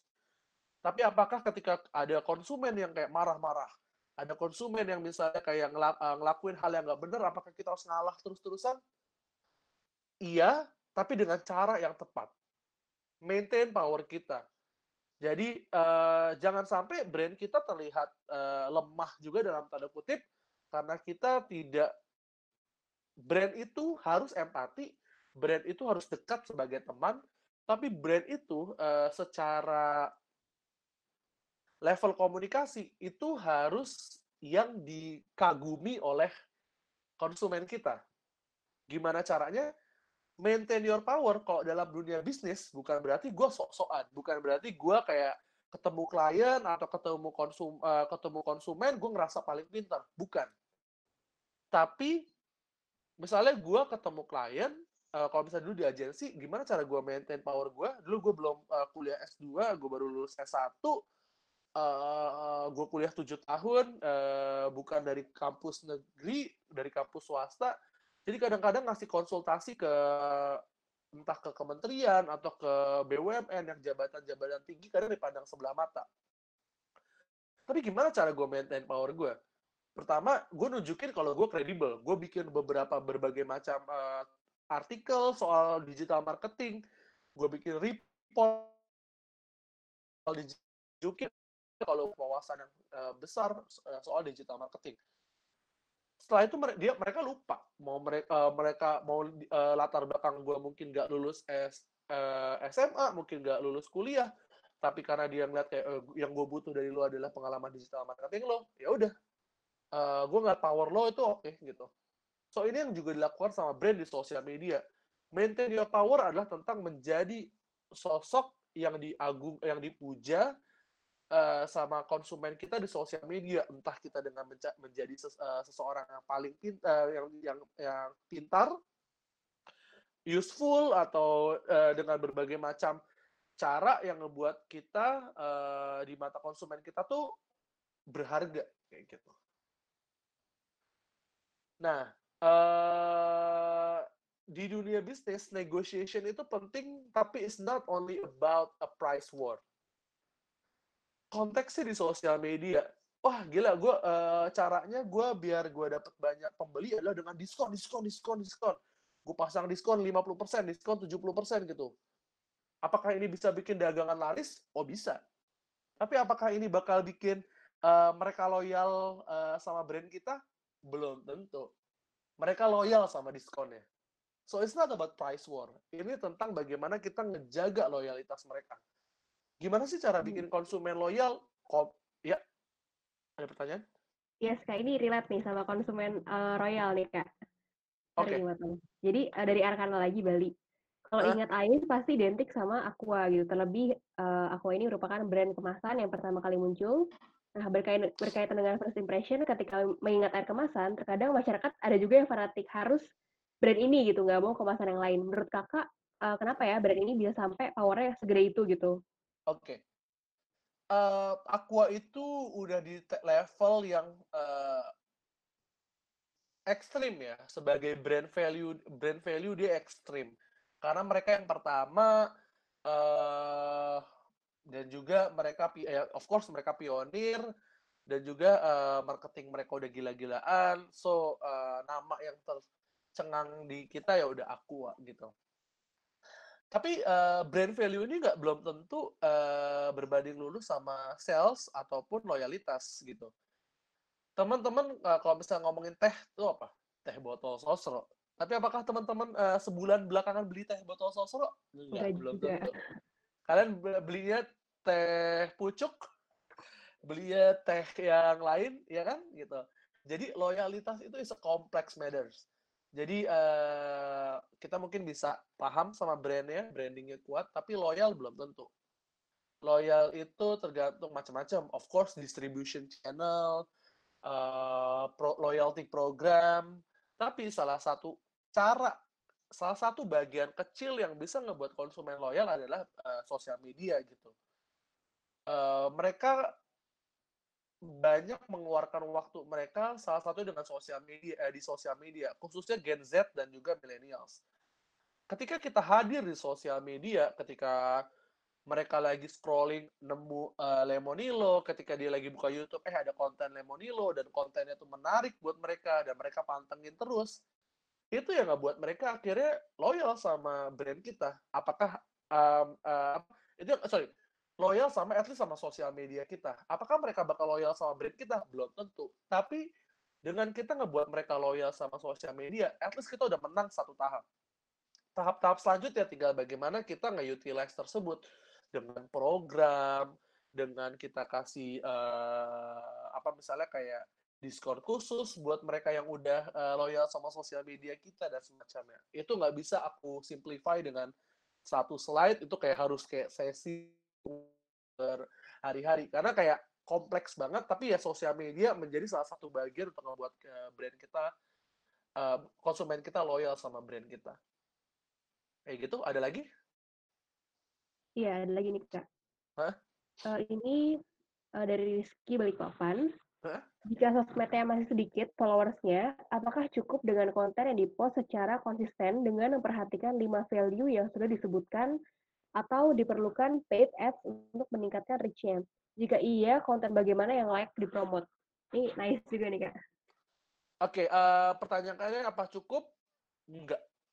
Tapi apakah harus pakai iklan uh, dan lain-lain? Kalau ada budgetnya, kenapa enggak? Gitu. Uh, it's not only about pasang iklan. Pasang iklan itu penting. Contoh misalnya sekarang followers teman-teman masih 2000. Pasang iklan kayak gimana eh, tentang apa? Tergantung tujuannya apa. Kalian mau dapat sales, mau dapat engagement, mau dapat banyak loyal audience di sosial media. Kalau mau dapat loyal audience di sosial media, misalnya bikin gamifications atau bikin challenge di sosial media gitu kayak ya challenge-nya as simple as kayak entah kuis, mereka harus follow akun kita, uh, kasih komen soal hal-hal tertentu yang berkaitan soal brand kita dan semacamnya. Kalau sales ya promo sosial media masuknya ke Tokopedia kita, ke Shopee kita, ke website kita, atau ke WhatsApp kita. Kita juga bisa masuk iklan yang masuknya ke WhatsApp kita gitu. So, tergantung objektifnya. Apakah penting uh, ads? Penting juga gitu. Nah, untuk detailnya kayak selanjutnya kayak apa nih kak yang gimana caranya followers gue baru 500 atau 200 terus kayak next stepnya apa yang bisa gue lakuin buat naikin sosial media uh, kita nah ini bakal gue bahas selanjutnya so dalam bisnis itu personal relationship tuh matters a lot hampir semua klien-klien aku dulu tuh dalam bisnis itu uh, aku kenal dari personal relationship beberapa kenal lama beberapa kenal baru yang memang aku ajak uh, maintain hubungannya secara rutin Nah, ini ber, uh, ber, uh, berpengaruh juga sama sosial media. Kenapa? Bisa jadi kalian punya teman-teman yang followersnya 2.000, 5.000, 10.000. Itu tuh aset banget buat teman-teman ajak kolaborasi, minta bantuan gitu. Sekarang, uh, influencers atau KOL, Key Opinion Leaders, itu tuh bukan tentang lagi mereka followers 100 ribu atau sejuta atau 10 juta. Tapi sekarang lagi trennya adalah micro influencers, bahkan nano influencers. Mereka yang followersnya 2000, 1000, 1000 sampai 5000 itu nano influencers, 5000 eh, ke atas sampai 50000 itu micro influencers. Dan bisa jadi itu teman-teman kita. Kenapa micro influencers dan nano influencers itu lebih powerful? Karena omongan mereka tuh lebih didengerin, lebih dekat sama audiensnya karena audiensnya ada teman-teman mereka sendiri dan mereka mungkin lebih jarang ditempelin sama brand. Jadi orang tuh nggak enak ngeliat konten uh, konten mereka. Kalau misalnya kita ngeliat uh, beberapa apa beberapa uh, artis lah gitu, kayak fitnya dia isinya oh produk semua. Jadi kayak kita ketika ada produk yang ditempelin sama artis tersebut ya, ya ya lah dia mah dibayar gitu. Dia ngomong apa aja kita nggak percaya. Beda sama coba kalau bayangin kamu punya teman yang followernya seribu tiba-tiba dia ngepost di instastory soal kayak Ih, ini makanan enak banget guys gue baru cobain gitu dan kalian sering ngobrol sama sama itu orang percaya pasti kalian sama mereka sama dia ketimbang artis yang ngomong karena dia lebih dekat sama kita so tadi aku bakal uh, sekaligus menjawab pertanyaan sebelumnya gimana ketika followers masih uh, sedikit apakah harus bayar iklan? Bisa jadi, tapi bisa jadi kalian memanfaatkan personal relationship uh, yang kalian punya dengan orang-orang sekitar kalian. Kolaborasi. Salah, salah satu study case yang aku lakuin waktu itu waktu aku masih di agensi. Uh, aku ngerjain uh, Asian Games. Asian Games itu aku kerjain satu tahun sebelum Asian Games berlangsung. Setahun, uh, 10 bulan lah. Waktu aku ngerjainnya di bulan Oktober, November. Uh, Asian Games di bulan Agustus uh, waktu itu yang terjadi adalah Asian Games itu sepi orang yang ngomongin Asian Games. Paling orang-orang Jakarta aja yang ngomongin. Kenapa? Karena orang-orang pada nggak merasa dekat dengan Asian Games. Orang-orang merasa bahwa Asian Games itu adalah acara pemerintah atau acara para atlet. Jadi kayak kita-kita yang orang-orang biasa tuh kayak merasa nggak penting-penting banget nih buat uh, ikut Asian Games. Ini yang aku jadikan jadi user persona dari hasil riset aku tersebut. Lalu aku bikin campaign namanya Dukung Bersama. Dukung Bersama ini campaign yang aku buat dari uh, insight tadi uh, tentang kayak Oke, dukung bersama adalah sebuah movement yang ngebikin kita, siapa pun kita, background apa pun kita, tapi kita tetap bisa loh berkontribusi untuk Asian Games. Caranya gimana? Caranya dengan ngebuat kita secara bergotong royong, ngebuat Asian Games ini keren di mata nasional dan di mata dunia gitu. Ini yang waktu itu eh, aku bikin campaign dukung bersama. Hashtagnya waktu itu yang make baru berapa ratus, Terus aku bikin dalam waktu sebulan aku dapat sekitar 7.500 ini. Dalam waktu sampai 4 bulan itu ada lebih dari 40.000 post pakai hashtag dukung bersama dan isinya semua support tentang uh, Asian Games lewat uh, cara yang kita minta gitu. Ada yang naik gunung bawa bendera Asian Games. Ada yang kayak dia nari pakai baju daerahnya dia pakai itu Asian Games. Ada yang kayak sekolahnya dia bikin kalian masih bisa lihat hashtagnya didukung bersama aku yakin masih banyak postingan yang belum dihapus ada yang kayak di sekolahnya dia dia bikin kayak graffiti mural tentang Asian Games bahkan uh, waktu itu sampai kayak Ganjar uh, Pranowo sampai beberapa apa beberapa pejabat mereka upload tuh pakai hashtag dukung bersama dari uh, Kemenpora, uh, Kemendikbud dan semacamnya semasif itu waktu itu kita bikin campaign dalam waktu empat bulan. Caranya gimana? Pasti budgetnya gede banget. Enggak, budgetnya kecil banget teman-teman. Ya, termasuk budget kecil banget karena dengan uh, pekerjaan yang cukup banyak gitu. Aku uh, yang aku lakukan adalah gimana aku kolaborasi dengan lebih dari 500 influencers dan selebritis dan komunitas gitu. Aku waktu itu uh, cara yang aku lakukan adalah aku ngebuat gimana Asian Games ini jadi tujuan bersama jadi ketika aku hubungin influencer atau selebritis, mereka nggak ngelihat transaksi di situ. Mereka ngeliat ini sebagai movement. Brand apakah bisa melakukan hal kayak gini? Belum tentu, karena brand itu jualan. Tapi kalau misalnya kalian membuat sebuah campaign dan tujuannya itu relevan sama selebritis sama influencers ya, mereka bisa jadi uh, ngasih harga khusus yang mungkin lebih murah dari biasanya. Contoh misalnya kita mengkampanyekan hidup sehat, Lemonilo mengkampanyekan hidup sehat. Kita ketemu sama berbagai macam selebritis dan influencers yang mereka emang suka mengkampanyekan hidup sehat. Ya udah kita misi kita sama, harganya bisa didiskusiin. Ini yang sama yang terjadi sama uh, bagaimana kita waktu itu nge-engage influencers dan selebritis. Kita punya misi yang sama. Waktu itu akhir tahun 2017, isu SARA tuh tinggi banget di Indonesia. Isu politik tuh kental banget. Karena itu ada lagi ada Pilgub DKI. Jadi kita bikin momen ini jadi momen kebersamaan kita. Kita nostalgia masa tahun 1962 ketika Soekarno menyatukan Indonesia lewat Asian Games pertama di uh, Indonesia. Uh, aku bikin dalam sebuah surat. Surat itu aku sebarkan ke influencer dan selebritis dan itu responnya positif banget. Uh, aku tuh pernah kayak ngasih surat ke Omes, uh, ya salah satu selebritis, dia punya komunitas motor baik. Uh, kita ngomong sama Omes kayak kita nggak punya budget, budget kita cuma satu juta untuk photoshoot sama Omes, kita ajak dia photoshoot di GBK. Kita ajak ke dia ngomong kayak, iya mas kita punya budget 2 juta nih buat dua orang dari komunitas motor baik. Tahu apa yang terjadi sama komunitas motor baik? Itu sekitar 13 sampai 15 orang datang ke GBK. Kita cuma bayar 2 juta. Isi isi 15 orang itu artis semua. Kevin Julio, Omes, Gading Mart, uh, Gading, Gading Martin, terus uh, uh, Edi Brokoli dan berba uh, Aditya Kaputri dan berbagai macam artis uh, dari kayak motor bike gitu. Itu yang terjadi. Uh, kita nemuin titik tengah uh, kira-kira kolaborasi apa yang kita bisa lakukan sama orang-orang di sekitar kita atau influencers atau selebritis gitu. So dalam waktu 4 bulan kita dapat 240 juta social media impression dan lebih dari 110 juta sosial media reach ini gila banget gitu karena kita tuh bahkan kolaborasi sama kayak Prilly Konsina, Ganjar Pranowo sampai keliling Jawa Tengah buat ke kampanyein soal dukung bersama Asian Games. Salah satu yang masif. Ini beberapa uh, yang kalian lihat, ini uh, itu jaketnya kita yang bikin. Uh, ada dua jaket. Jaket pertama tuh jaket photoshoot pertama dan jaket kedua adalah jaket kolaborasi sama Didit Maulana. Uh, Fidel Diano foto sama kita Dibayar? Nggak dibayar. Luna Maya foto sama kita. Dibayar? Nggak dibayar. Mereka datang untuk mendukung Indonesia. Mereka kena sama pesan yang kita sampaikan.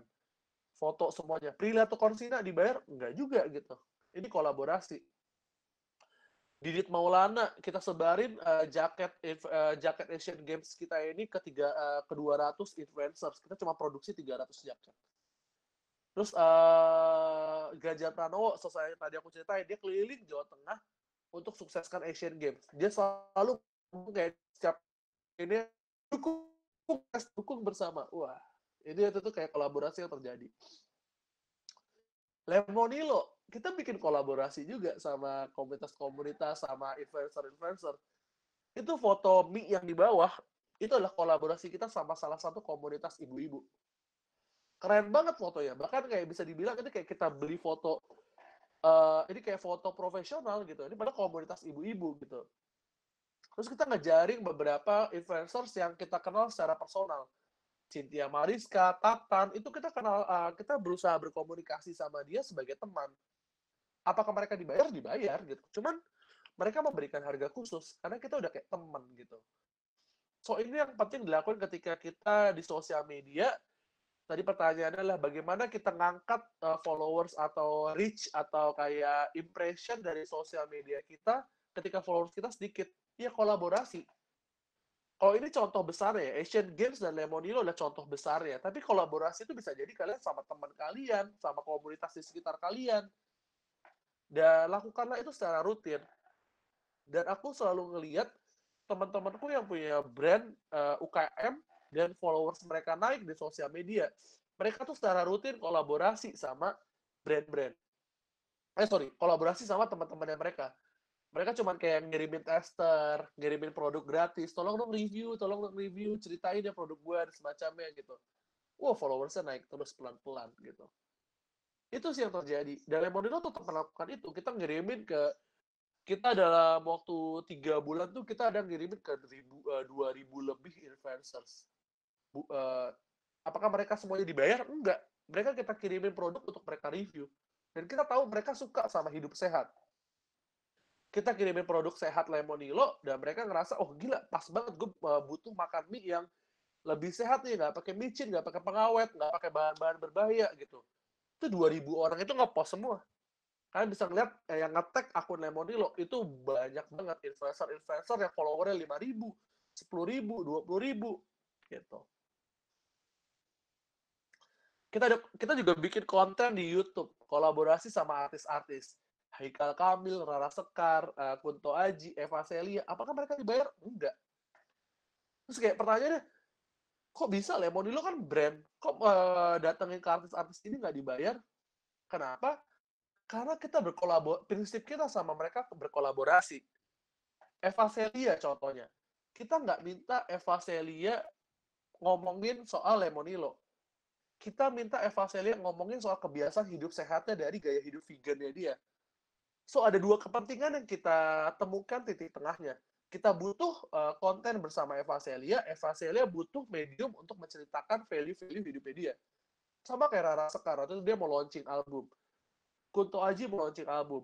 Haikal Kamil menceritakan soal hidup sehat, uh, mau mulai hidup sehat bersama keluarganya dia. Tapi kita kemas semuanya dengan konten pilar kita adalah healthy lifestyle Kunto Aji ngomongin soal kesehatan mental.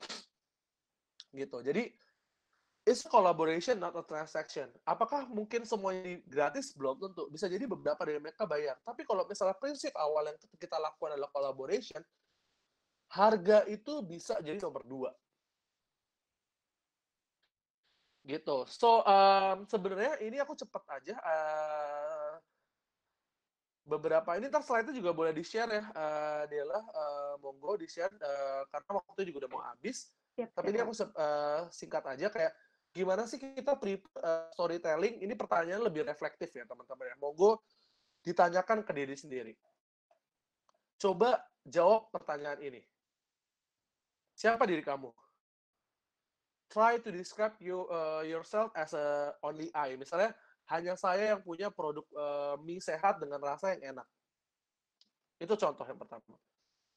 Yang kedua, are you prepared to publish gitu? Apakah kamu kayak udah siap bikin uh, sosial udah siap untuk melakukan sosial media marketing? Kenapa? Apakah udah siap untuk ng ngasih audiens kalian valuable information? Itu dia. Itu dia pertanyaan kedua. Pertanyaan ketiga adalah kenapa mereka mau ngasih atensi ke diri kalian gitu? Bisa jadi karena entah kalian itu entertaining, atau kalian ngasih informasi yang menarik, atau kalian jadi kayak temennya dia, kalian as a human yang jadi temennya dia. Siapa sih audiens kalian dan influencer sekalian? Tadi aku bilang, coba find? Ini presentasi ini teman-teman slide ini tuh udah aku presentasi dari tahun 2016 dan aku secara konsisten ngomongin persona, persona, persona. Karena ini adalah kunci utama sampai kapan pun nggak bakal basi untuk kita nentuin konten kita yang tepat dan audiens kita yang tepat dan influencer kita yang tepat siapa. What is your perfect channel to reach your audience? Pertanyaan sama kayak sebelumnya. Sosial media apa sih yang tepat nggak ada sosial media yang tepat dan bisa untuk semua orang. It can be Instagram, Facebook, LinkedIn, Twitter, TikTok, YouTube, Pinterest. It can be one of them, two of them, all of them, or nggak sama sekali. Maksudnya apa nggak sama sekali? Bisa jadi brand kalian nggak butuh sosial media, kalian cuma butuh WhatsApp doang buat order. Atau audiens kalian emang belanja lewat offline, kalian nggak perlu paksa lewat sosial media. Ya, why bother untuk kayak ngabisin waktu di sosial media? Itulah pentingnya buat kalian research soal behavior atau karakteristik dari audiens kalian. Gimana kita bisa dikenal, kita bisa stand out di sosial media. Entah konten kita in-depth, searchable, quotable, and evergreen. Evergreen itu uh, baru ya, menarik lah, fresh gitu. Searchable ini kayak kalian menggunakan hashtag yang tepat, in-depth of course mendalam, quotable misalnya kayak ya enak buat di-retweet, di-share, atau ya kayak konten-konten RKTCHI itu quotable banget gitu. Dia di, uh, di konten yang mereka di save dan disebarin ke grup-grup WhatsApp kayak gitu. Kenapa audiens kalian tuh balik lagi ke sosial media kalian? Apakah dia mencintai konten-konten kalian?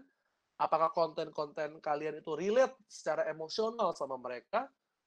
Atau mereka have no other choice gitu? maksudnya ini apa kayak ya udah kayak cuman kalian bisa ngasih informasi soal hal tersebut gitu jadi kayak dia don't have uh, any other choice bisa jadi cara bikin konten kalian tuh nggak menarik kalian cuman kayak screenshot screenshot doang secara visual nggak menarik uh, tulisan typo tapi karena cuman kalian yang bisa ngasih informasi tersebut ya mereka nggak uh, punya opsi lain gimana caranya buat konten yang rich content ini kayak konten yang menarik atau konten yang powerful sesuatu yang kayak memberikan uh, real value kepada audiens kita. Entah itu itu how to content, uh, produk highlight, related topic to your industry atau cerita personal dari founder atau semacamnya. So it can be a lot of things. So ya, yeah, who are you gitu kayak siap pertanyaan dari awalnya tadi, siapa kalian gitu.